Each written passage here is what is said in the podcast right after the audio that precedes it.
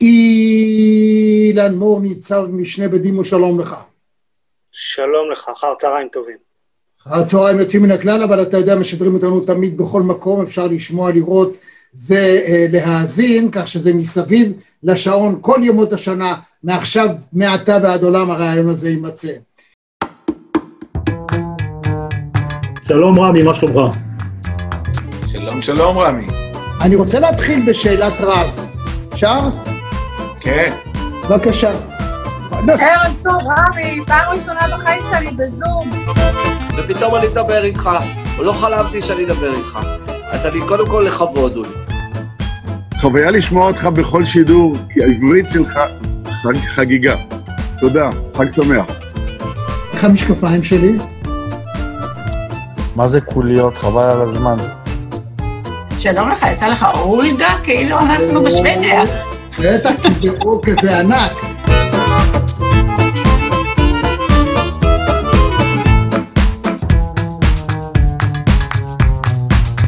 רמי יצהר, הכבוד כולו שלי. תמיד תמיד חיבבתי, אהבתי והערכתי את העבודה המקצועית שלך, וגם בערב הזה, כמו שאני אומר, האנשים הצעירים יש להם את הכוח, אבל אני יודע את הכיוון. אני עשיתי את זה במודע ובמודע לגמרי שאני עלול לשלם מחיר, ובסוף גם שילמתי. אני גאה בזה שהזמנתי אותך לרעיון הזה, עשית הופעה מדהימה, הספה הברודה יוצאת מן הכלל. אני כל יום, פעמיים ביום קורא את האתר שלך ונהנה מהניתוחים ומהכושר ביטוי והיכולת ניתוח.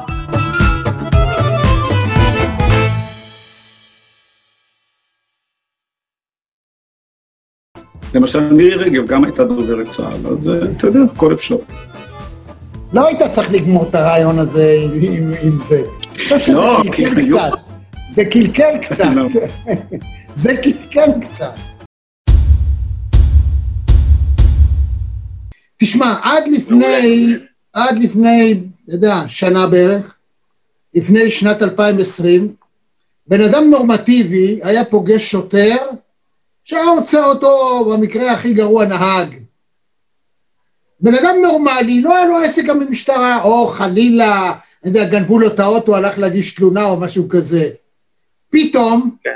בעצם כל אזרח במדינת ישראל פוגש שוטרים בנסיבות אזרחיות לחלוטין, בלתי פליליות, מין משהו כזה, מי שהיה בצבא בטירונות, כמו אתה רואה את הסמל מחלקה, את הרס"ר פתאום, אתה בודק את עצמך, אתה רואה שוטר, וואו, עשיתי משהו לא בסדר.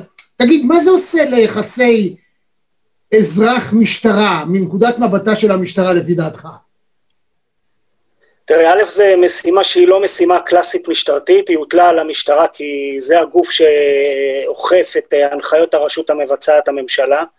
אני יכול להגיד לך שהייתי קצין נהגם של מחוז תל אביב ב-2011 במחאה החברתית, אז אם אני עושה אנלוגיה למה שאנחנו רואים כאן, אז קודם כל יש אה, סימפתיה של אה, לובשי המדים למי שעומד מולם, פעם אחת, ומהצד השני אה, הצורך בעצם לבצע את האכיפה. אני מדבר עם לא מעט חברים שלי, גם מפקדים וגם שוטרים. התחושה היא תחושה אמביוולנטית. הידיעה שאתה מבצע את האכיפה הזאת ואתה מסייע להורדת התחלואה, ומצד שני, אה, ההתמודדות הבלתי פוסקת והבלתי נמנעת עם אה, כך שכל אחד הופך להיות אה, כתב טלוויזיה, מראים חלקים מהעימות עם השוטרים, והמשטרה סופגת, סופגת אש, בחלק מהמקרים מוצדקת, ובמרבית המקרים לא. אה, אני יכול להגיד לך... את זה, אתה מתאר את זה בצורה די סכמטית, אבל אני הייתי מבקש ממך לנסות וככה לחשוב יותר לעומק. מה שאתה אומר הוא ברור, חד משמעי. אני בכוונה לא הזכרתי את הנושא של הפגנות, כי ביחסי משטרה מפגינים זה סוג אחר של יחסים. תמיד היו הפגנות, אבל זה טיפוסים מיוחדים, אנשים שגם כשההפגנות חוזרות על עצמן, אני כאן אה, מראיין לא אחת מישהו מהבלפוריסטים, כבר פעמיים ראי- ראיינתי אותו, אייבי בנימין, שהוא נחשב מראשי, כן. אז הוא כבר מכיר את השוטרים, הם מכירים אותו, יש סוג של כללי משחק, כולם רוצים לגמור בשלום, אף אחד, זה לא רוצה במעצר וזה לא רוצה לגמור בבית חולים כשהוא פצוע, הוא קיבל מכות, אז שם הכללים מתהווים עם הזמן, ואתה יודע, אני לא צריך לספר לך במערכת יחסים מהסוג הזה, בעיקר אם היית בימי הפגנת הקוטג' או המחאה החברתית התל אביבית של אז. אבל אני שואל בכלל, לפי דעתך, לאורך זמן, מה זה עושה מבחינת היחס של הקהל למשטרה, בנקודת מבטו של שוטר, תראה, שוטר שהוא הלך להתגייס ולעבור למשטרה, הוא לא חשב שזאת תהיה העבודה שלו. נכון שלימדו אותו שאולי זה יכול לקרות, אבל הוא לא חשב שהוא צריך להסתובב, להסתובב ברחובות או בחוף הים ולהיטפל לאנשים, לאיזה בחורה, תני לי תעודת זהות, זה טוב, רשמתי לך, עם זה, רשמתי לך, תקבלי בדואר הביתה את הדוח. אז כל שוטר כזה חושב, אם עכשיו עושים את זה לבת שלי, או לאחותי, או לאימא שלי, זה לא דבר נעים, לא, לא כל אחד ירצה להתגייס בשביל דבר כזה. אז איך אתה רואה את זה כיחסי משטרה-ציבור לאורך זמן, על ציר הזמן? תראה, אה, ללא ספק, אני גם אמרתי את זה, גם בתיאור הסכמטי, כמו שאמרת, אני אמרתי שיש פגיעה קשה בתדמית המשטרה, והתחושות של השוטרים הן תחושות קשות. זאת אומרת, הצורך של אותו שוטר שהוא fighter, הוא עכשיו אה, בלש במרחב ירקון, או סייר במרחב ציון, ועכשיו הוא מעבר לאלמנט של ההפגנה שכולנו מכירים, לתוך הסיפור של אלמנט ההפגנה, נכנס מעבר לתנאים הרגילים של הפגנה, עכשיו צריך לוודא גם את המרחק וגם את המסכות, וגם שם אה, נכנס סוג של עימות שהוא לא קשור לעולם ההפגנות בהבנה שלנו המשטרתית לאורך שנים.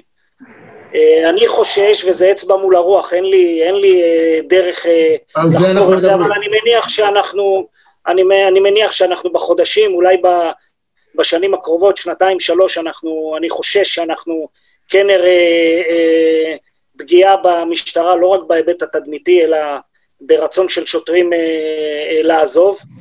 אה, ויש פה, התמודדות שהיא התמודדות כמעט בלתי אפשרית של מפקדי המשטרה, אני לא מקנא בהם, משום שאמרתי שוב, הצורך אה, וההבנה שהפעילות המשטרתית מסייעת, מסייעת להורדת התחלואה מצד אחד, מעין, אה, מעין אנחנו עכשיו שומרים שלא יהיו חולים, אל מול בסוף, כמו שאתה מתאר, רמי, בסוף פוגשים את הגברת הצעירה הזאת שיודעת מה החובות שלה, לא יודעת מה החובות שלה, השוטרים שמנסים אה, רק להשיג אה, זיהוי שלה שעל פי חוק מותר להם, והפעלת שיקול הדעת פה היא הרבה יותר רחבה ממה שהם היו אמורים לעשות בעבודת סיור רגילה בתל אביב, ירושלים או בצפון. אה, הקושי הוא קושי גדול ואני אני, אני חושש מאוד, אני גם שלחתי לך ככה איזה מאמר בעניין הזה, אני חושב שהפגיעה בממלכתיות שאנחנו חווים בה, חווים בה בשנים האחרונות, מבלי להגיד שום אמירה פוליטית, בסוף פוגעת בשוטרים, כי אותו אזרח אה, שאמור להתמודד עכשיו עם שלטון אה, שהשוטר מייצג אותו והוא מבין שהשלטון הזה יש בו, יש לו אינטרסים מעבר לבריאות הציבור, בסופו של דבר הכל מתנקז למפגש עם השוטר והאזרח והתוצרים הם גם אם הם לא יוצאים כרגע החוצה כי אני מניח שהמשטרה עושה עבודה קשה מאוד בהיבט של החוסן הנפשי של השוטרים. מזכיר לי אגב את תקופת ההתנתקות, גם שם אה, אנחנו נאלצנו לבצע פעילות אל מול אזרחים נורמטיביים, שחלק מהשוטרים וגם אלה שהסכימו או לא הסכימו עם ההתנתקות, אה, אני יכול להגיד לך שהקושי שלי כמפקד להגיע עכשיו לבית או להגיע עכשיו לאיזשהו מקום ולהתחיל לעשות פינוי של אזרח אה, שבסוף אתה, אתה מקיים את החוק, אבל איך אתה מקיים אותו? הקושי הוא קושי גדול, אני חושב שהוא מעבר למה שאנחנו מעבר למה שאנחנו חווים, מעבר לעדשות המצלמה, אם זה מצלמת השוטר או מצלמת האזרח שמצלם, אה, והקשיים של, של המשטרה הם מאוד גדולים בימים האלה, אה, ואני אני, אני חושש שאנחנו נראה את התוצאות. אנחנו נראה את התוצאות. אגב, אה, אני, אני, גם, אני גם מייחס את העניין לזה שבסופו של דבר, בסופו של דבר השמיכה היא קצרה. אם מפנים מאות או אלפי שוטרים לטפל כרגע ב... אירוע שהוא אירוע ספציפי, המשטרה לא קיבלה עוד תקנים, אין עוד שוטרים ואי אפשר, לה, אפשר אה, להביא שוטרים מהיום למחר, אז הפעילות המשטרתית הקלאסית נפגעת גם כן. אה, ומתחילים לראות את זה קצת בנתונים, מתחילים לראות את זה גם אה, בתחום שהתמחיתי בו בסוף שירותי בנושא תאונות הדרכים, ואני אני, אני חושש שהקורונה הזאת, או הפוסט-קורונה, אה, תביא לנו בשורות לא טובות. זו תחושתי. הלוואי כבר היינו בפוסט קורונה, אנחנו עוד רחוקים מהפוסט קורונה לצערי, אבל אני רוצה להגיד לך דבר אחד. קודם כל, חלק ניכר מהאזרחים, הואיל ולא מלמדים אותם את זה, אז למשל הם לא יודעים שהם חייבים להזדהות.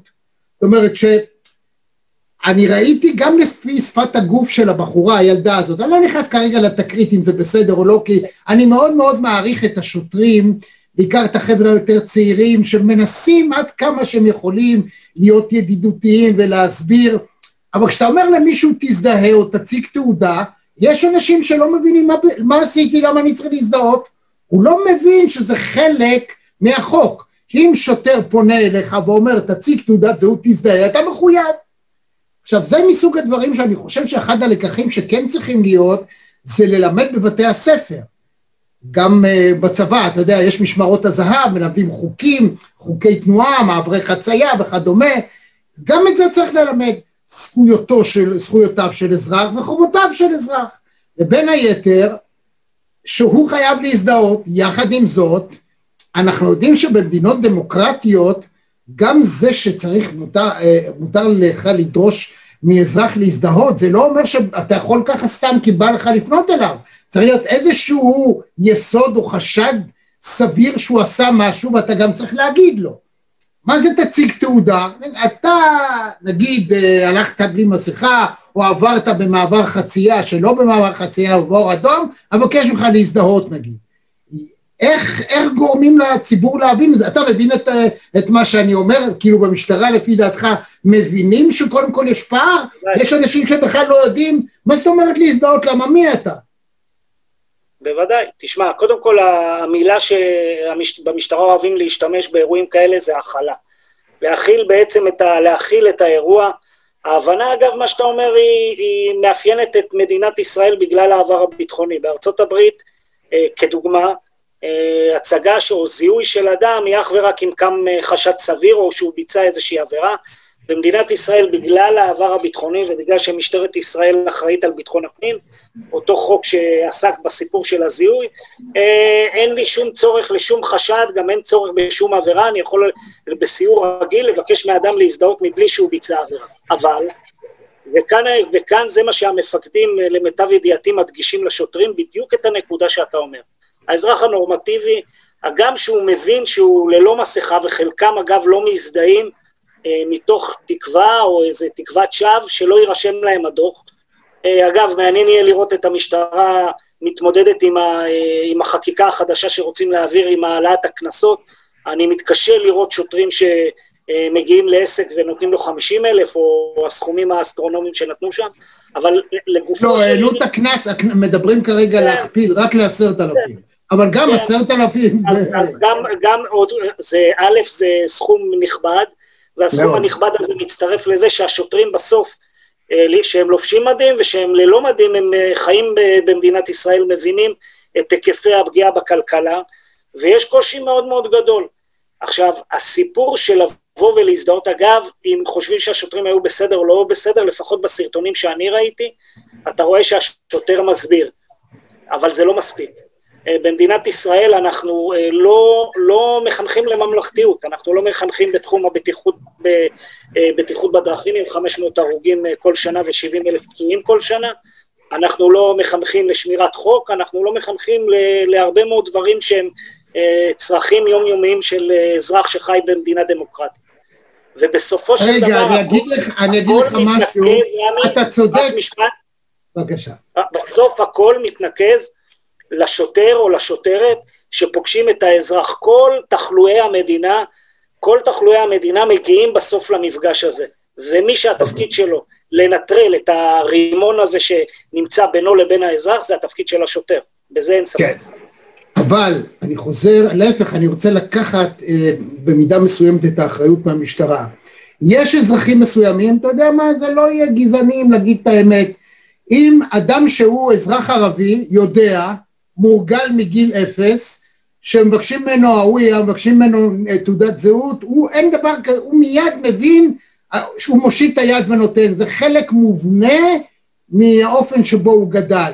הצרות הן בדרך כלל, וגם מה שאנשים מצלמים, הם לא מבינים, גם זה שמצלם, הוא לא מבין מה לא בסדר, מה אתה פונה אליו בכלל? זאת אומרת, אין פה חינוך לאזרחים, צריך לעשות או תשדירים או סוג של הבנה, חברים, אם שוטר יש, חושב שאתה ביצעת איזושהי עבירה, או רוצה לזהות אותך, יש לו את הסיבות שלו, לא תמיד הוא חייב גם לפרט מה הסיבה, אתה חייב להזדהות. והם לא יודעים, גם זה שמצלם, אתה רואה לפעמים עומד בעל חנות ומפר את החוק. בגלוי, הוא אפילו מסביר, אני, למה שם פותחים ואני לא, והשני, כן, אני אצלם אותך, מה אתה תצלם?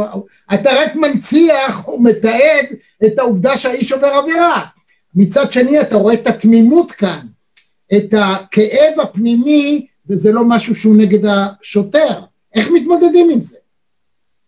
תראה, אני חושב שנגעת בתחילת הדברים שלך באחת הדרכים להתמודד, זה פשוט הסברה. בכלל, בכל, ה, בכל תקופת הקורונה הזאת שאנחנו חווים ונחווה עוד זמן, אה, יש פער מאוד מאוד גדול. אה, קודם כל, יש פער גדול בזה שהמנהיגים שלנו לא מקיימים את מה שהם מנחים, על זה אני שם בצד. אבל יש פער מאוד מאוד גדול שהידע נמצא בקרב אה, קבוצה מאוד מאוד מאופיינת באוכלוסייה. ההסברה לדעתי לוקה בחסר. אגב, יש לי הרבה מאוד דברים, אני לא יודע אם זה המקום, יש לי הרבה מאוד דברים שאולי כדאי שנסתכל גם למדינות אחרות החוצה, ונראה איך הם עושים הסברה בדברים שנוגעים אה, לשגרת יומו של האזרח, תאונות דרכים, אה, קורונה, יכול להיות שאם ההסבר או, ה, אה, או התשדירים היו בצורה יותר אינטנסיבית, במקום כל מיני תשדירים אחרים שאנחנו שומעים, זה היה מקל. אבל בסוף הכל מתחיל ונגמר בחינוך. אם היינו מייצרים חינוך, ואגב, לא ערבים ולא אה, מגזרים אחרים בחברה שיותר מורגלים במפגשים עם שוטרים, לצערי הרב אני אומר את זה, אלא להבין, להבין את החובות שלך כאזרח, את הזכויות שלך כאזרח, כי אנחנו גם נתקלים בזה ששוטרים מפרים את הזכות שלך כאזרח, ו, וכדאי שאתה תדע גם להתמודד עם זה. אז אנחנו נמצאים בלקונה שאנחנו רואים אותה בעוצמה. הלקונה, אגב, שאתה מתאר של מפגש שוטר עם אזרח תמים, אה, בדרך כלל ידענו לאפיין אותה לאירועי תנועה. שבהם אזרח אה, נכון. ביצע עבירה ושוטר עוצר אותו, והוא אה, אזרח שזה המפגש הראשון שלו עם המשטרה, ולמה אתה עוצר אותי ותן לי לנסוע ושלח לי את הדוח וכל מיני כאלה. עכשיו, היריעה הזאת התרחבה מאוד מאוד, והיריעה הזאת נוגעת לכל מי שחובש מסכה או לא חובש מסכה, הוא מתקהל או לא מתקהל, וכאן אנחנו, הקורונה בהרבה מאוד מובנים אה, די ככה תמצתה לנו את, ה, את, ה, את החולאים בחברה הישראלית. ואחד הדברים שאתה מצביע, יש עוד, עוד הרבה מאוד אלמנטים, אבל אחד הדברים שאתה, שאתה מצביע עליהם, והם באמת נכונים, המפגש בין האזרח לשוטר הפך להיות כמעט על גבול הבלתי נסבל. הוא לא יודע מה מגיע לו, השוטר נמצא בתחושת שליחות שאם הוא ישים מסכה אז הוא לא ידבק בקורונה, כי גם השוטר ערני לאחוזים, והם שומעים את האחוזים כל בוקר בתדרוכי הבוקר שלהם ומחדירים בהם אה, מה שנקרא נחישות על מנת לבצע את העבודה. הנחישות הזאת, תחושת השליחות הזאת, פוגשת את חוסר הידע של האזרח, ואגב, גם התחושה של האזרח שמתעמרים בו, וגם התחושה של האזרח שהממלכה, מה שנקרא, אה, נותנת הנחיות שהן לא תמיד הנחיות שהן נוגעות לבריאות העם, ובריאות הציבור, בריאות העם, כמו שזה מופיע אה, בסופו של דבר יוצר את ההתנגשות הזאת. והפתרון לסיפור הזה הוא העבודה שהמשטרה עושה, וחבל שהיא לא מפרסמת, אה, בתוך המשטרה, בהדרכות, בעבודה על חוסן נפשי, בהכלה של אירועים. עושים את זה כל השנה, אבל אני יודע שבתקופה האחרונה זה בצורה מואצת, כמעט בכל יחידת משטרה, ומהצד השני, אל, אל מול האזרח. אבל אני אומר עוד פעם, רמי, אני, אני, אה, מכיוון שאני רואה את ההתנהלות, ומכיוון שאני אה, רואה שהגלגל הזה ממשיך להתגלגל, ויהיה לנו סגר שלישי כנראה בחנוכה, לא צריך להיות אה, מומחה למחלות זיהומיות כדי להגיד את זה, אז אני גם רואה שמחר או היום או עוד שעה, אולי עכשיו, מישהו מצלם עוד מפגש של שוטר אזרח שיכל היה להימנע. אה, ואנחנו אנחנו מגיבים, אנחנו בעיקר מגיבים, אין, אין יוזמה, אין יוזמה של המדינה לבוא ולה, ולהגיד את הדברים שאתה אומר ואני אומר, שנראים מובנים מאליהם, ונשארים עם, ה, נשארים עם האירוע הזה, ואני אומר, פוסט קורונה, עוד שנתיים, עוד שלוש, עוד ארבע, מה שאנחנו רואים היום בהרבה מאוד היבטים, אבל אני מדבר על ההיבט של אכיפת החוק, אנחנו נקבל את זה עוד שנתיים ועוד שלוש, גם בהיבט של אה, מוטיבציה של שוטרים אה, להמשיך ולשרת, וגם אה, ביכולות של האזרח להתמודד, להתמודד אל מול המשטרה, ואני לא איש בשורות. אני יכול להגיד דבר אחד, כל אדם שפגש שוטר שרשם לו דוח, אה, יש לו, הוא כבר בחצי הדרך לטראומה אה, כלפי כל שוטר. הוא לעולם לא יחבב יותר שוטרים. תדעו את זה חברים שוטרים, אני קצין בכיר במצ"ח, אני יודע מה זה הצד השני של המתרס, מה זה להיות שוטר, מה זה משטרה. אני יודע כמה זה קשה להיות, לדעת להסתדר עם מי שצריך ולמלא מצד אחד את, את החוק ואת השליחות שלך ומצד השני לא להתעמר במישהו. תמיד דאגתי אצלי שהחוקרים שלי והחיילים שלי והשוטרים שלי הדבר הכי הכי חשוב. תמיד אמרתי, יהיה פחות, פחות גנב אחד נתפוס, אבל לא נעשה טראומה לאף בן אדם, לאף חייל שיתגייס לצבא, הוא צריך לגמור שלוש שנים ואנחנו נעשה מה שלא צריך לעשות. זה תמיד תמיד תמיד הייתה תפיסת העולם שלי. אני רואה הרבה שוטרים גם שהם כאלה, לצערי יש גם אנשים שאתה רואה שהם מחפשים בנרות, אבל לא, לא נדבר על זה היום. אני חושב שהמשטרה צריכה שיהיה לה מנגנון פנימי לזהות אנשים מהסוג הזה. בארצות הברית כבר נערכים מחקרים, אתה יודע, נוכח כל מה שקורה שם, ומסתבר שאנשים עוברים מטמורפוזה משך התקופה שהם נמצאים, אנשים שהיו סוג מסוים של בני אדם בתחילת הדרך, הופכים להיות סוג של סדיסטים, פסיכופטים, הם נוהגים באופן שהם בעצמם לעולם לא היו מתנהגים ככה עשר שנים קודם, אבל אני לא חושב שזה כרגע רלוונטי לצורך העניין. יחד עם זאת, אני לא יודע אם משטרת ישראל, אני, אני לא אחת שמעתי מדיווחים פנימיים, שבאה המשטרה ואמרה, אני את זה לא רוצה לעשות. אני לא אשלח שוטרים ללכת מכות באיזה בית מדרש אה, להתעמת באופן שאי אפשר לנצח אותו. אני ראיתי פעם סרטון ממש מביש שניידת משטרה נתנו למישהו בתוך רחוב כזה שיגיד ביידיש לאנשים להתפנות, הוא רצה להיות בסדר, אתה ראית את הסרטון הזה, זה סרטון... אם המשטרה תלך תחזרו, כן. כן. עכשיו זה, אתה יודע, האיש הזה ישב בבית, אותו קצין נהג, הוא רצה להיות בסדר, ואומר לכם, חבר'ה, לכו ואחר כך, זה מביש למשטרה לתמיד, זה עושה צחוק, זה צחוק מהעבודה. אז א', לא לשלוח אנשים שלא יודעים יידיש למקום כזה, והפוך, שלא יסתלבטו עליך אבל לא יעשו צחוק ממך, וב', כל כך מסובך היום להיות שוטר, שאני מבקש מכל האזרחים, רואים אותנו, שומעים אותנו מאות אלפי בני אדם. תהיו בני אדם, תבינו.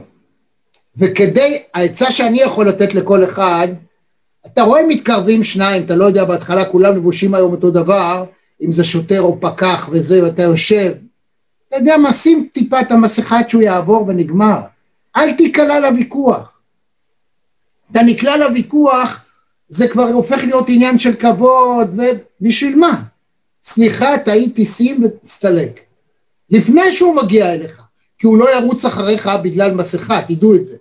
אתה רואה שהוא מתקרב, אתה רואה שזה, אז תסתובב, תלך. קרה לך. הוא מתעקש, אין ברירה, אל תעשה מזה מילוט שיתחילו דווקא לעשות, כי ירוץ, תמיד יתפסו אותך. אי אפשר להימלט. גם תסתתר בין השיחים, אם, אם ירצו, יכולים למצוא אותך, שתדע. יש היום מכשירים, כל, הגוף, כל עוד הגוף שלך פולט חום, אפשר למצוא אותך. אם אתה רוצה שלא נמצא אותך, אתה צריך ללבוש כזה מאלומיניום. גם אז ימצאו אותך כי אם אתה תנשום, אין בעיה. תגיד, זה בסדר שאמרתי את זה, או שאסור שידעו את זה? כן, זה בסדר גמור. תראה, אני, אני רוצה להגיד שני דברים. אחד, אה, לגבי מה שאמרת בתקופה שלך שהיית במשטרה צבאית. אז היה לך מפגש עם חייל אחד, מפגש רע נקרא לו, החייל הזה סיפר לעוד אחד או שניים. היום המפגש עם השוטר הוא מפגש שמופץ למאות אלפים, לפעמים אפילו יותר מזה.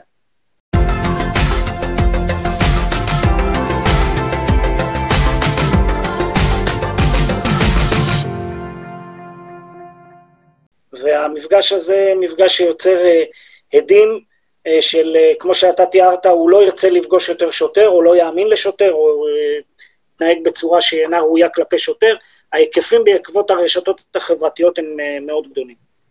אה, במשטרה תמיד יש לנו בראש את ה... אני לא יודע אם אתה מכיר, ב-1971 הניסוי בכלא סטנפורד, לקחו כמות של סטודנטים אה, אקראיים, חלקם אמרו להם אתם סוהרים וחלקם אמרו להם אתם אה, אסירים. נדמה לי שזה היה אמור להיות משהו כמו שבוע. זה היה ניסיון פסיכולוגיה.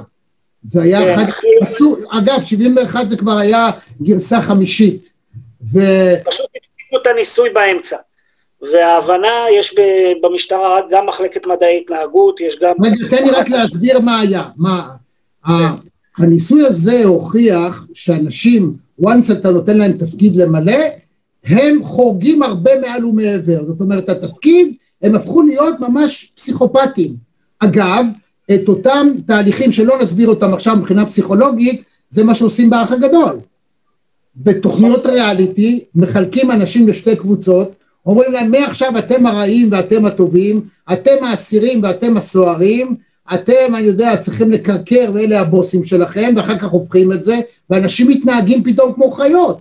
אנשים שהם אחד, אותה קבוצה, אגב, מחקר מדהים נערך בתחום הזה של פסיכולוגיה חברתית בקנדה, אה, יש שני, שתי תחנות אוטובוס, אחת מול השנייה, ואנשים שבמשך שנים על שנים בבוקר נסעו לעבודה, ובאופן קבוע עמדו בתחנה הזאת והזאת.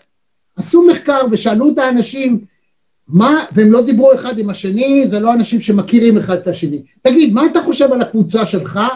וואו, איזה אנשים נחמדים וטובים, ורק דברים טובים. תגיד, מה אתה חושב על האנשים שממול? עכשיו, הוא לא מכיר לא את אלה ולא את אלה. אלה? מה, איזה... דברים רעים, הוא אמר, אני לא רוצה להגיד מה אמרו. זה מחקר מדעי מדהים. אומרת, ההתנהגות האנושית היא מאוד מאוד סבוכה, ושוטרים לא עוברים את ההכשרה הזאת של פסיכולוגיה חברתית לעומק עד כדי כך להבין את ההתנהלות. ואני מזה באמת רוצה לדלג לנוזה של שוטרי התנועה. כששוטר תנועה עוצר אותך, שאלה ראשונה, הוא שואל אותך שאלה, למה עשית את זה? מה, מה, למה, למה אני חייב? אתה רוצה לרשום דוח? תרשום דוח. סליחה, עברתי, תגיד שלא, עברת באדום, חצית, לא יודע מה עשית, אני רושם לך דוח, תן לי בבקשה רישיון נהיגה, בזה נפתרה הבעיה. ממילא אין לו לאן לברוח כי הוא עם מכונית, יש לך את המספר, נגמר הסיפור. למה שוטרים היום, ושאלתי מישהו, אומר זה הנחיות שאנחנו מקבלים, כדי לרשום את התגובה או משהו כזה, אבל אתה מעורר ויכוח סרק, לא מספיק הבן אדם התעצבן, נעצר, יש לו ארבע או שמונה נקודות, מה אתה שואל אותו למה? מה אכפת לך למה? עברתי באדום, תרשום, עזוב אותי, תן ללכת. בוא נעשה תשדיר מהיר שמסביר למה, בסדר? שוטר התנועה הוא השוטר היחידי במשטרת ישראל שהוסמך לכתוב כתב אישום. הדוח התנועה שלך הוא כתב אישום. אתה יכול להפוך את הדוח, אגב, גם אם קיבלת דוח על 250 שקל, ולבקש להישפט. אחד העקרונות החשובים היא הודעה של, ההודעה של הנאשם. כשאני שואל אותך, רמי, אתה יודע למה עצרתי אותך? אתה אומר, כן, נו, חייגו אליי לטלפון. אני אומר, תגובת הנהג, חייגו אליי לטלפון. זה אומר שזה הודעת הנהג. השוטר מחויב לשאול כדי קודם כל להבין... אני אגיד לך, זאת מלכודת מה שאתה אומר, וזה לא הוגן, אני אגיד לך למה. אם חשוד נעצר, על פי החוק צריך להזהיר אותו. אתה חשוד בזה וזה וזה, כל שתאמר יירשם ועלול לשמש ראייה בבית משפט. כשאתה שואל מישהו כמו שאתה הצגת את זה, אתה מכשיל אותו. אתה צריך להגיד, עצרתי אותך כי עברת באור אדום, זה מצולם ואני ראיתי אותך, אני רושם לך דוח. יש לך מה לומר? או בסוף אתה רוצה לרשום תגובה? בבקשה.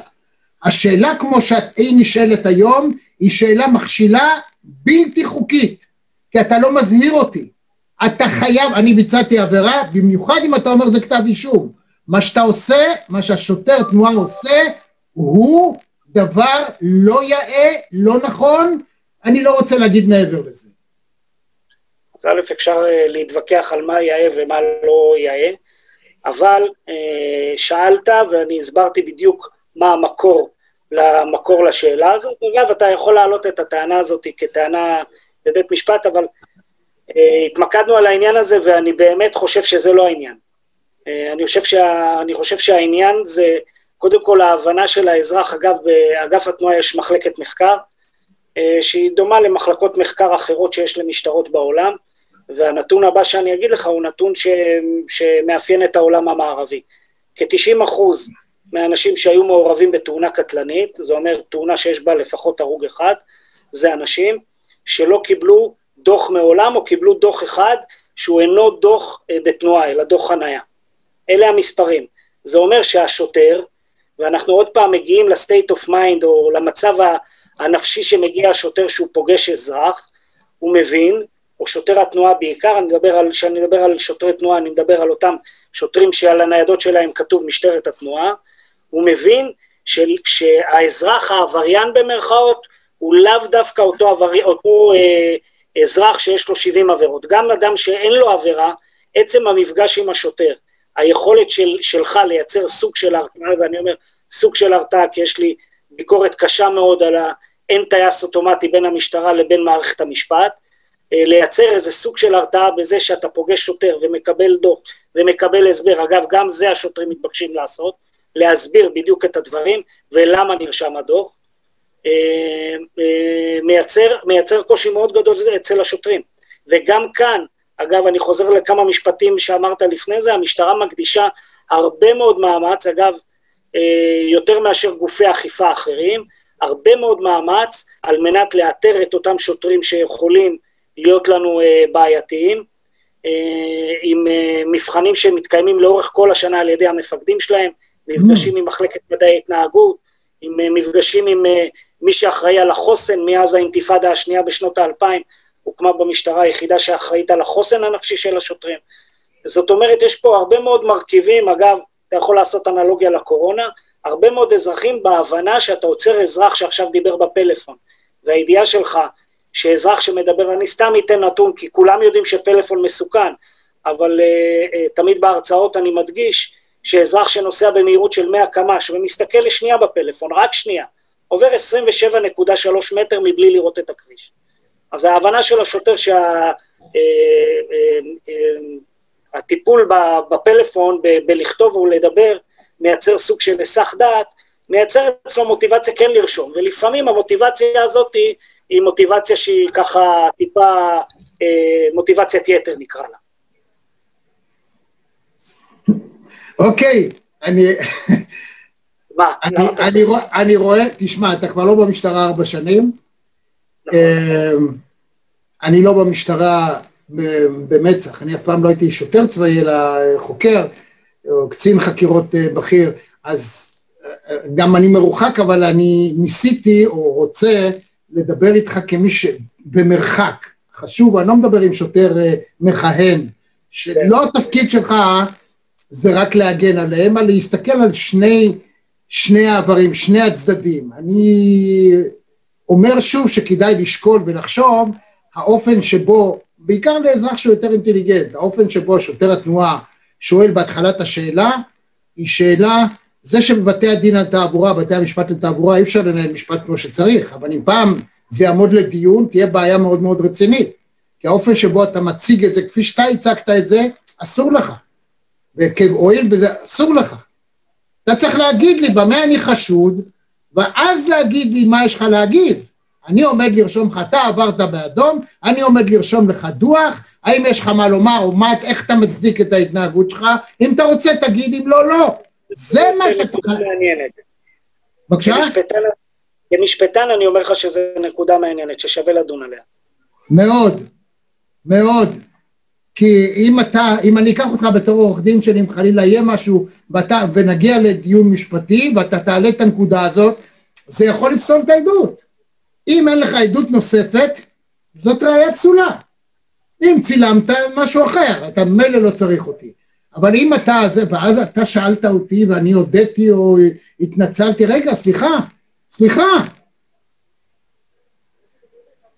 זה האלף בית שאני תמיד, כל מי שעסק בחקירות פעם יודע שאזהרה זה הדבר החשוב ביותר.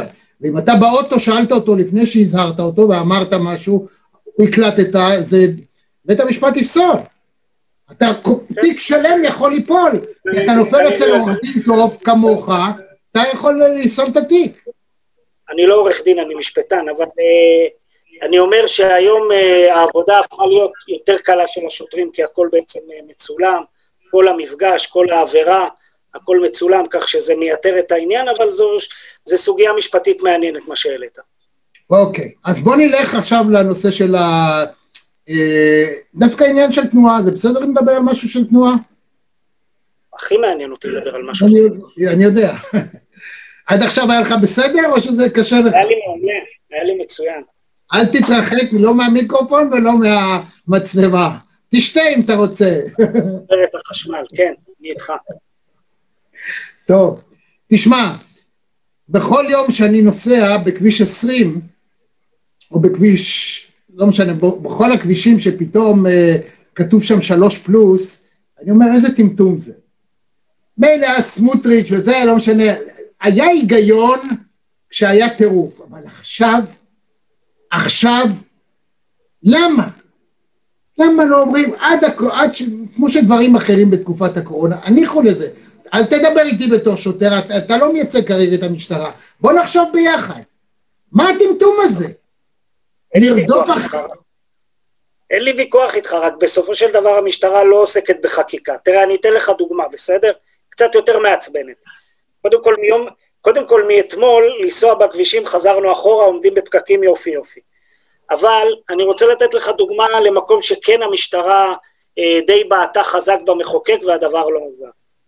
אה, ואם אתה באזור המרכז, ואנשים בעיקר בתל אביב מכירים את התופעה של האופניים החשמליים שטסים לנו על המדרכות. אה, אגב, המחוקק היה צריך לעשות דבר מאוד פשוט, מכיוון שאנחנו מדברים על כבר כמה עשרות בשנה שנהרגים כתוצאה מהשימוש בכלים המסוכנים האלה, המחוקק היה צריך לעשות דבר פשוט, לאסור את היבוא. ברגע שהוא היה אוסר את היבוא, לא היינו מגיעים לאירוע הזה, וזה מה שהמשטרה ביקשה. הגיע המחוקק ועשה דבר שאנחנו לא אהבנו אותו כמשטרה, ואני, כדי שאני, אה, ככה בהרצאה יש איזה קו שמראה שמדינת ישראל לא עוסקת בבטיחות בדרכים בצורה רצינית, אה, יש לזה הרבה מאוד מרכיבים, אבל הגיע המחוקק ואמר, רגע, למה שאני אפגע ברמי שמייבא, שמייבא אה, אופניים חשמליים, גם יש לו לוביסטים בכנסת? בואו ניקח את הילדים בני ה-16 האלה ונוריד אותם לכביש. ילד בן 16 שלא יודע את חוקי התנועה, אתה, כמו שאתה יודע, 16 על פי החוק, אנחנו מדברים על ילדים הרבה יותר צעירים, כבר לא נוסעים על המדרכות, נוסעים על הכביש.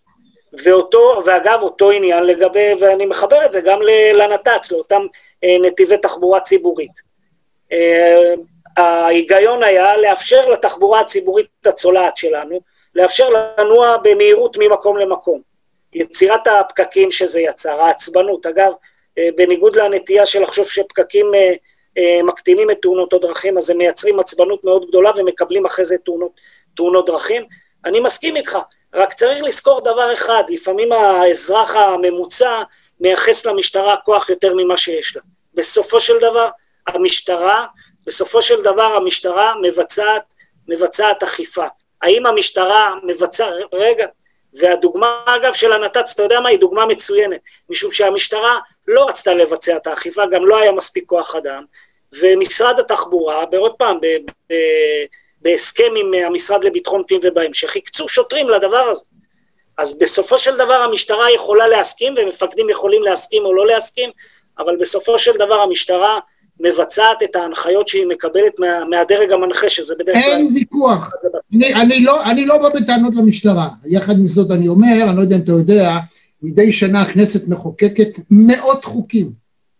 אני חוזר ואומר, מדינת ישראל יש בה חקיקת יתר הכי גדולה בעולם.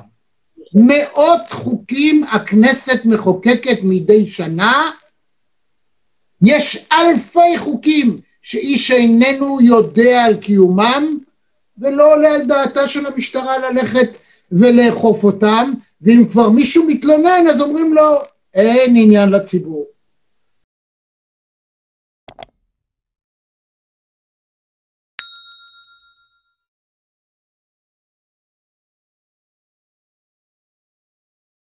עכשיו, כשאנחנו מדברים על הנת"צ הזה שאתה מדבר, בכביש 20 לדוגמה, שמע, הם בכלל אוטובוסים לא נוסעים שם, ומשום מה המוניות נוסעות דווקא בנתיבים האחרים. אני יודע גם למה, לא אגיד את זה כאן, אולי בהזדמנות אחרת, אבל מן הסתם אולי גם אתה יודע למה, הם רוצים לנסוע יותר לאט, כשיש לו נוסע, ככל שהוא ייסע יותר לאט הוא מרוויח יותר כסף, הוא לא רוצה לנסוע בנתיב השמאלי, כי שם צריך לנסוע לפחות את ה-80-90 כמה שמותר, אחרת הנוסע יבוא בטענות, הוא מעדיף לנסוע בפקקים.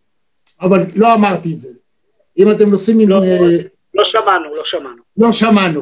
רק אם אתם נוסעים עם נהג מונית והוא עושה לכם דווקא ויש אה, נתיב פנוי, תגיד לו, סע אדוני בבקשה בנתיב הזה ובמהירות המותרת, ואל תיקח אותי דרך הפקקים, כי אתה מגדיל לי. אגב, אם מראש הוא קבע איתך מחיר, אז הוא ייסע שם. הוא ייסע הכי מהר שהוא יכול בשביל להגיע ולהשתחרר. אם אתה משלם על שעון, או לא מחיר פיקס, הוא יסחוב אותך ואתה תשלם לפעמים פי שלושה מאשר זה, אבל זה, זה דיברנו ככה הצידה. אז כשאתה אומר המשטרה, נכון, משטרה אמורה אה, למלא את ההנחיות ולאכוף את החוקים, אבל היא לא אוכפת כל חוק, היא גם בוחרת, יש גם סמכות לקצינים, למפכ"ל, לכל מפקד מחוז, כל מפקד תחנה, גם יש לו, יש העדפות שמוכתבות על ידי המחוז או המפכ"ל, ויש כאלה שזה אה, יוזמה מקומית, מה שנקרא. אפשר, זה הרי אין דבר שיותר מעצבן, שאתה רואה היום בעיקר קנו אופנועים חדשים, והם נוסעים וצדים, הכביש ריק, אתה נוסע בבוקר, אתה מת, אתה רוצה להגיע לעבודה, לוקח לך עוד שעה, שעה וחצי, אין אוטובוס שעובר, בקושי מונית, לקחו שלושה נתיבים, הקטינו ב-33% מנפח התנועה מוקטן על כלום, על מה? והשוטרים עומדים, למה נתנו להם אופנועים ואנשים לרדוף, ומה זה? היה מצד ימין מעבר לפס הצהוב, היו נוסעים אופנועים, היו מגיעים, היה, לא מפריעים, לא, עכשיו אורבים להם, אז מה הם עושים האופנועים? הוא נוסע בתור אוטו, הוא מרחוק רואה, אז הוא. אז מה, נהיה עוד יותר גרוע. עומד. אז המשטרה לגבי האופנועים שינתה את ה...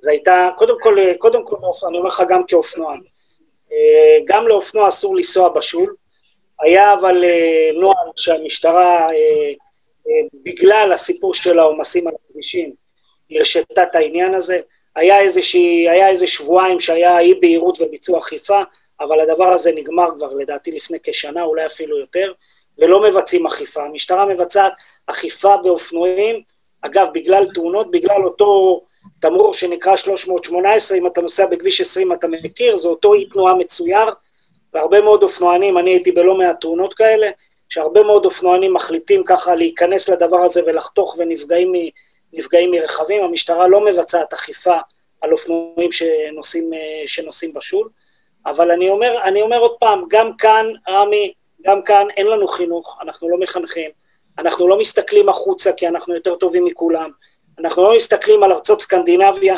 שהורידו את התאונות כמעט למינימום עם, עם מזג אוויר ו- ותנאי נסיעה הרבה יותר קשים מאשר בישראל, ואנחנו ממשיכים להתנהל. אגב, אמרתי יותר מפעם אחת גם כשהייתי במדים, ועוד יותר מזה כשפשטתי את המדים, שאני מאוד, אני, אני מצפה לרגע שבו יגישו הפגנה על קורבנות תאונות הדרכים, על אוזלת היד של המדינה בטיפול בבטיחות בדרכים.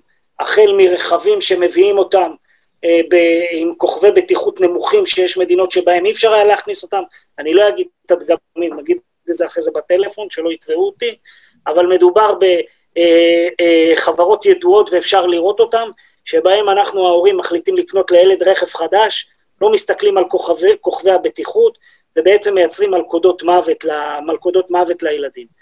ו, וגם בזה, צריכים להבין שהמשטרה פועלת בהרבה מאוד תחומים, מנסה להפעיל הרבה מאוד משרדי ממשלה לייצר סוג של שינוי, ובחלק מהמקרים מצליח. העולם של הבטיחות בדרכים, לצערי קצרה ידה של המשטרה. וצריך לזכור, כל שנה, גם כאן, משחקי סטטיסטיקה שלא המשטרה עושה אותה, משחקי סטטיסטיקה של, אגב, ההרצאה שלי נפתחת במודעת אבל, שבה מדינת ישראל מודיעה בצער רב, על מותם הצפוי של 350 אזרחים ב-2020. אגב, זה יותר מ-350, כי זה משחקי סטטיסטיקה שאתה מכיר אותה. וכאן זה, זו, זו לקונה ענקית של מדינת ישראל, כי אפשר לעשות. ואפשר להסתכל החוצה לעולם, עושים דברים מאוד מעניינים, גם בתחום החינוך, גם בתחום האכיפה הטכנולוגית, שבהם אתה.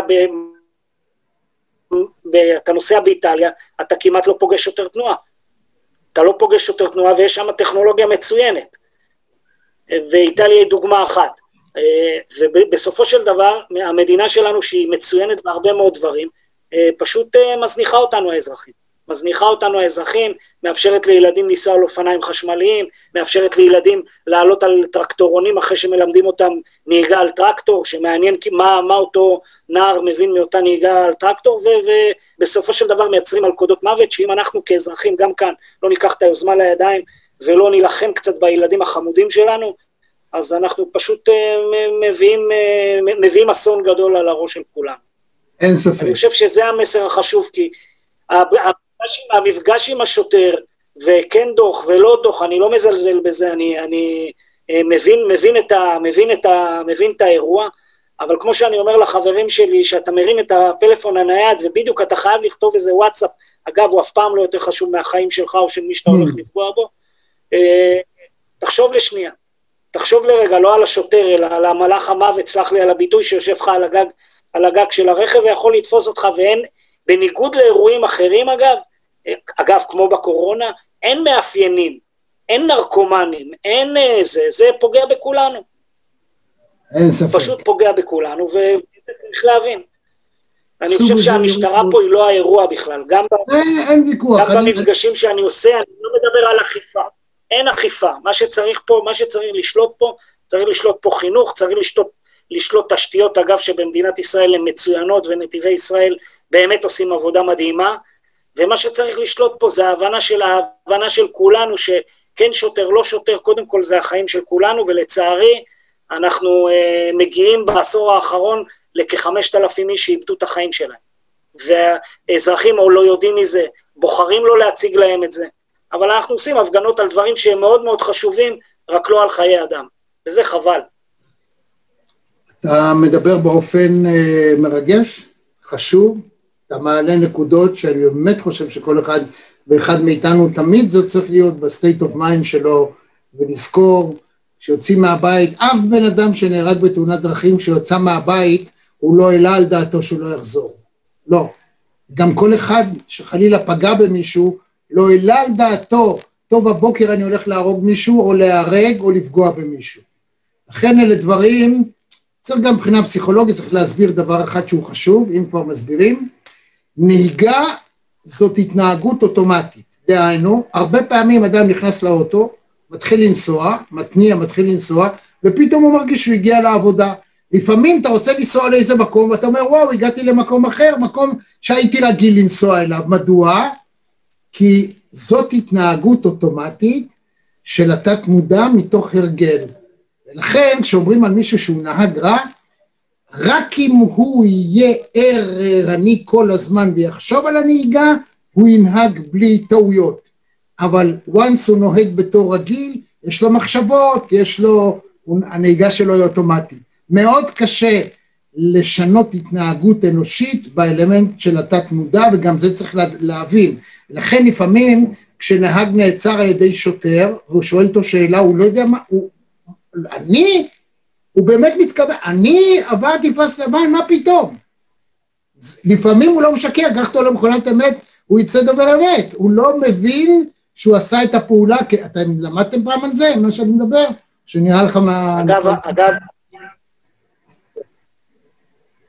אני אומר, הנהיגה האוטומטית, ככה שיעורי בית שתמיד נותנים, זה כל אחד שלפני שהוא נכנס לרכב, יחשוב כמה פעולות הוא צריך לעשות.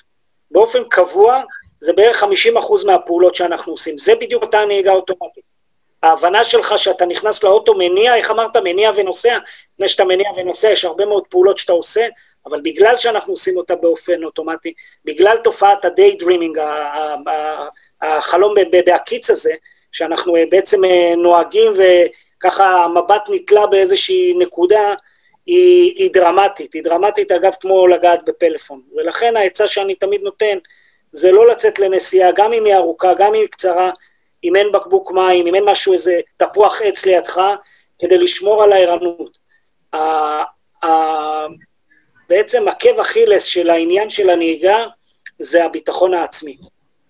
והנתון אגב, שלא לא עוסק בנהיגה, אלא עוסק בצד של הולכי הרגל, אני אדגים לך אותו, האחוזים של האזרחים שנהרגים, אני מדבר נהרגים, רק נהרגים, לא מדבר על פציעות, רק הרוגים, שחוצים, אה, שנהרגים במעברי חצייה מרומזרים ומעברי חצייה לא מרומזרים, שווים לאותם אלה שלא חוצים במעברי חצייה. עכשיו, זה לא שאני בא וממליץ למי ששומע אותנו לא לחצות במעבר חצייה, בוודאי שלא, אבל זה רק מדגים את תחושת הביטחון הבעצם פייק הזאת, המזויפת, שבה אני חוצה במעבר חצייה ויש לי איזושהי תחושה שקמים קירות הגנה מימין ומשמאל ומאפשרים לי לחצות בבטחה, ועוד שיעורי בית שאפשר לתת למי ששומע אותנו, צאו החוצה ותראו כמה מהולכי הרגל חוצים שהפלאפון שלהם ביד, הם בכלל לא רואים, הם נמצאים במעבר חצייה, במקסימום מרימים את העיניים לראות שיש אור ירוק וחוצים. הם רק לא זוכרים שבצד השני יש נהגים אה, שמסתכלים על הפלאפונים ועוצרים אה, חצי מטר מעבר למעבר חצייה, זה כמובן, כמובן מספיק. הסיפור של הנהיגה אותו... ואין דבר יותר מעצבן כשזה לא מעבר חצייה מרומזר, שחוצים במזלעת, יש לו את כל הזמן שבעולם, הוא מסתכל בפלאפון, ואתה מתפוצץ. ואם אתה, בא לך אני לא יודע מה. והוא הולך, למה? כי אתם, כמשטרה, הכניסה לאנשים בראש שיש לו זכות קדימה, הוא עוד צועק עליך, אם חס וחלילה, אתה יודע, אתה נוסע עם האופנוע, אז הוא התחיל רק ללכת, אתה עובר, הוא צועק עליך, יודע מה שאני בא, אני רואה זאת הבעיה, אני אקח לך עוד חודשיים להגיע עם הפלאפון ביד, אתה יודע, זה פשוט לא ייאמן. ההתנהגות של בני אדם כאן היא מדהימה, אבל זה גם נובע מחקיקת יתר, גם זאת חקיקת יתר. לא יכול להיות, הנהגים מרוב שהם נבהלים מהשוטרים, הם רואים שבן אדם הולך הרגל עתיד להגיע למעבר חצה, הוא אומר טוב אני כבר אעצור.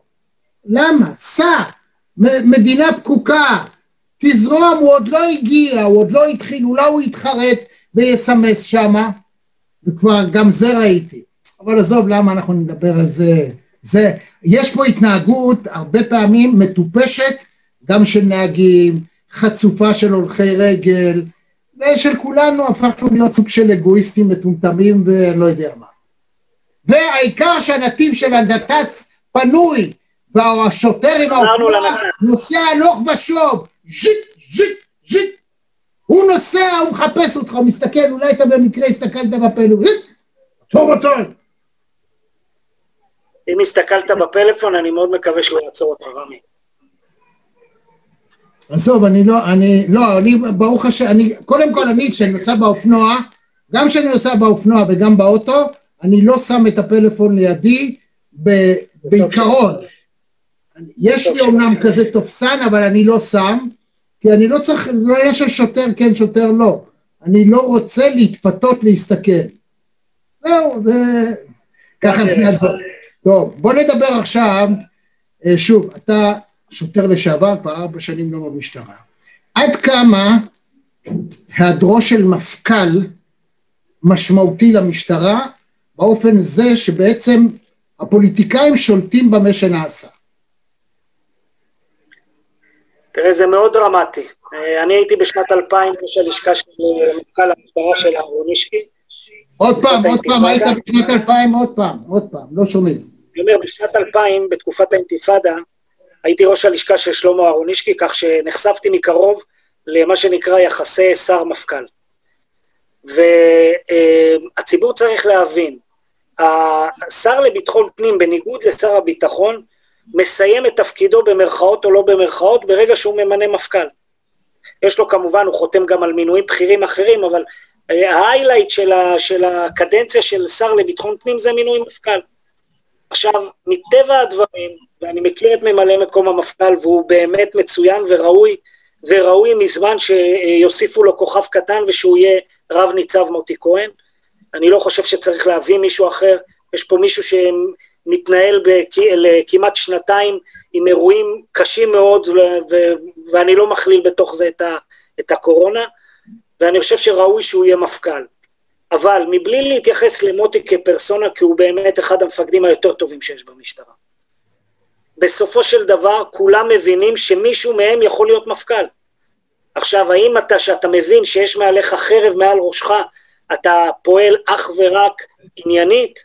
האם אתה בתחושה שאם תעשה כך או אחרת או תרגיז את השר, אז uh, אתה, uh, בעצם uh, פסגת השאיפות של כל איש משטרה זה כמובן להוביל את הארגון, פסגת שאיפותיו של כל אדם אגב, בסופו של דבר להוביל את הארגון שלו, זה, זה צד אחד.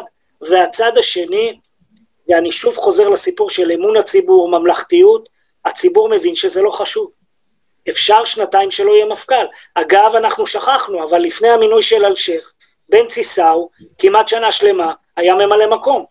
זאת אומרת, הפכנו, זה הפך להיות נוהג במדינת ישראל, שראשי מערכות לא ממונים. עכשיו, ברגע שאתה מחזיק ממלא מקום, ולא משנה עד כמה הוא יהיה חזק ועד כמה הוא יהיה מקצועי, אפילו אני מדבר בנראות אל מול האזרחים וגם אל מול השוטרים, אתה מבין שהוא לא יכול לבצע חלק מהדברים, כי הוא רוצה להיות מפכ"ל. וזה, וזה ברור. וזו, חרב, וזו החרב שמחזיק אה, השר לביטחון פנים אה, מעל, ראשו, מעל ראשו של אה, מפכ"ל. אפשר לדבר אגב גם על צורת המינוי, כי אה, לפני שהגיע מוטי, צ'יקו אדרי היה אמור להיות, ואני אומר עוד פעם, מבלי לזלזל ומבלי לומר דבר וחצי דבר על ה... בסופו של דבר, אתה לא יכול לקחת קצין עתיר זכויות, 30 שנה במשטרה, ואולי בגלל אירוע כזה או אירוע אחר שלא משליך באופן ישיר על התפקוד שלו, אתה פוסל אותו. אגב, זה, זה, זה, זה קורה במשטרה פעם אחר פעם, וחבל. בסופו של דבר אין מפכ"ל.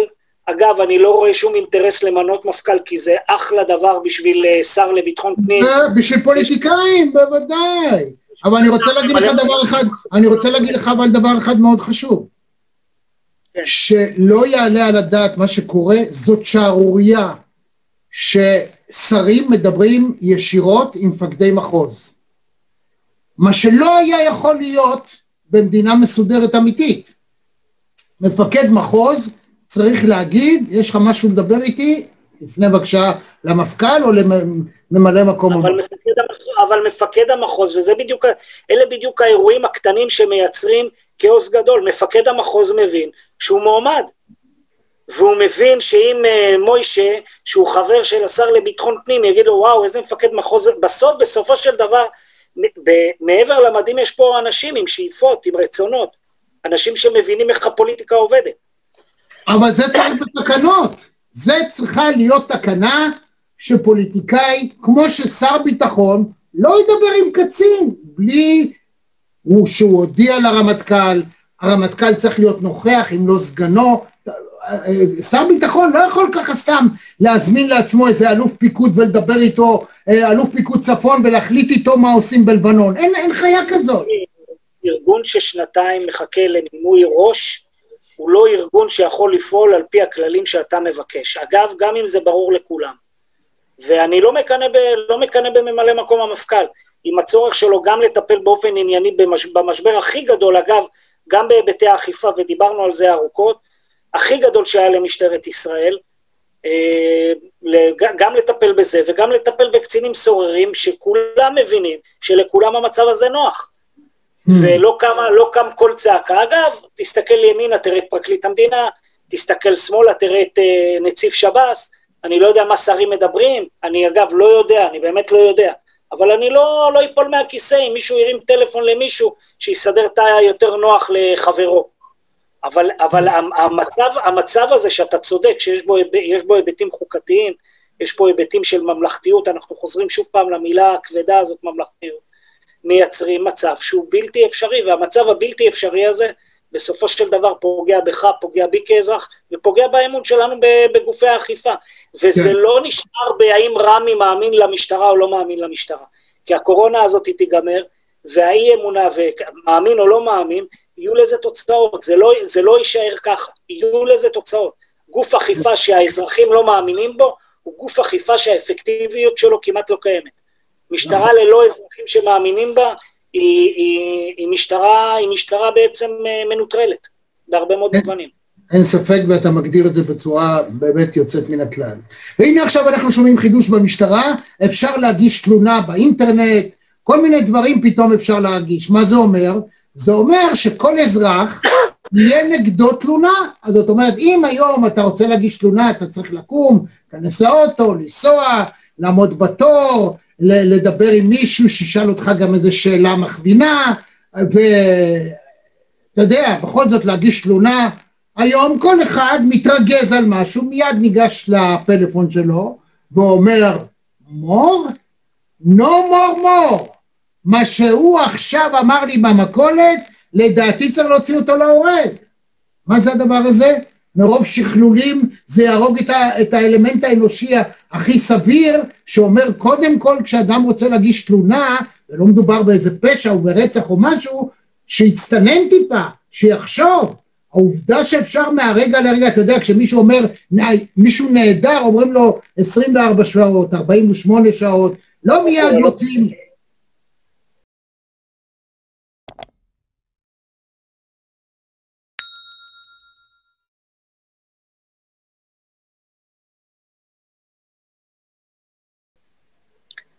אז קודם כל הסיפור של ה-24-48 כבר לא קורה, אבל זו דוגמה טובה מה שנתת. אני לא, אני לא מכיר את התהליך הזה בבנייה שלי, אני מכיר את התוצאות, אני יודע שהם יערו אה, להוציא עבודת מטה שעשו אותה כבר, עשו כמה שנים, ותקופת הקורונה, אגב, כמו בביטוח לאומי, שהפכו את הכל למקוון, ואחרים החליטו להפוך את זה למקוון. אני מסכים עם הבעייתיות שקיימת בעניין הזה, מצד אחד. מצד שני, המשטרה הייתה חייבת למצוא פתרון לעומסים שהיו במרכזי השירות לציבור, המשל כמו שזה נקרא, אה, והפתרון היה פתרון מקוון. הרבה מאוד דברים אתה יכול לעשות היום מקוון. אגב, אה, חידוש, חידוש של, של האתר הממשלתי, אתה יכול, מה שלא יכלת פעם, לראות אם יש נגדך צו עיכוב יציאה מהארץ. אגב, אם לא ידעת. אז זה אני יודע, אני, אני לא מדבר איתך על זה, אני מדבר שחייב, רגע, רגע, חייו של אדם יהרסו, חייו של אדם יהרסו ברגע שיש נגדו תיעוד על תלונה שהוגשה. ולא חשוב כמה היא טיפשית, מעבר לזה, אם אתה משפטן אז אתה ודאי יודע, שכל אדם רשאי להשתמש במה שהוא טען בתלונה, והוא מוגן מבחינת לשון הרע. זאת אומרת, כל עוד לא הוא יואשם בעדות שקר או בתלונת כזב וכדומה. כל מה שנכתב בתלונה, כל מה שנכתב בכתב תביעה, חסין. אי אפשר לתבוע גם אם זה שקר מוחלט, אם זו רמאות. עכשיו זה פותח, מרוב שהמשטרה רצתה להקל על עצמה, נפתח כאן פתח, הציבור עוד לא מודע. אבל כשזה יתחיל לקרות, זה יהיה אסון. כי לכל אחד ייכנס בהיסטוריה שלו, בתיק שלו, תיעוד של איזה אידיוט שהגיש תלונה שלא הייתה ולא נבראה. כתבת משהו בוואטסאפ, תלונה במשטרה. הוא העליב אותי, הוא זה... מה זה? אז אני, אני, מכיוון שאני אמרתי, אני לא מכיר את התהליך, מה שנקרא, כמו שהילדים אומרים, מבפנוכו, מה, מה, מה שקרה במשטרה שהוביל לזה, אז אני יכול רק להסכים איתך, כי נראה לי שיש פה, פה סוג של בעייתיות. אני מאוד מאוד מקווה שבנו מספיק מסננים כדי לוודא, אגב, יש מסננים כאלה במשטרה, למשל, אדם שהוא רצידיביסט בתלונות כלפי אדם מסוים. אז יודעים, יודעים איך זה. אני מקווה מאוד שבנו את, ה, את המסננים האלה, אבל אם אני יוצא מנקודת הנחה שזה בדיוק כמו שאתה אומר, כי אני באמת לא מכיר את ה... אני יודע שיש תלונה מקוונת, אני לא מכיר את המשמעויות ואיך המשטרה מתמודדת, יש עם זה, יש עם זה, יש עם זה בעייתיות. יש עובדה פשוטה חוקית, זה לא משנה מה המשטרה תעשה, once אני הגשתי נגדך תלונה עכשיו, אני יכול לקחת את מה שאני הגשתי, אני מקבל אישור שהגשתי, מאותו רגע אני יכול להגיד עליך ולהפיץ את זה, את הדברים הכי נוראים בעולם. זה לא ייאמן איך הדבר הזה, לכאורה, לא כל טכנולוגיה חייבים, תראה, אני לא מדבר איתך בתור אה, אדם שמכהן, אנחנו מדברים בינינו בסך הכל כקצין משטרה לקצין משטרה, אתה בדימוס קצר, אני בדימוס יותר ארוך. אנחנו מדברים בינינו על עניינים חוקיים. מותר גם לשנינו להגיד שרגע, מישהו פה לא חשב עד הסוף רק בשביל להקל על עצמו, וזה לא אומר שלא צריך לעשות משהו בעניין הזה. אם זה, אם אנשים יתחילו להבין מה טמון בהחלטה הזאת שהמשטרה אומרת כל אחד יכול להגיש תלונה מקוונת, אוי ואבוי, ואוי ואבוי כמה אנשים אתה תצטרך בשביל לשבת אחר כך ולעבור על כל התלונות.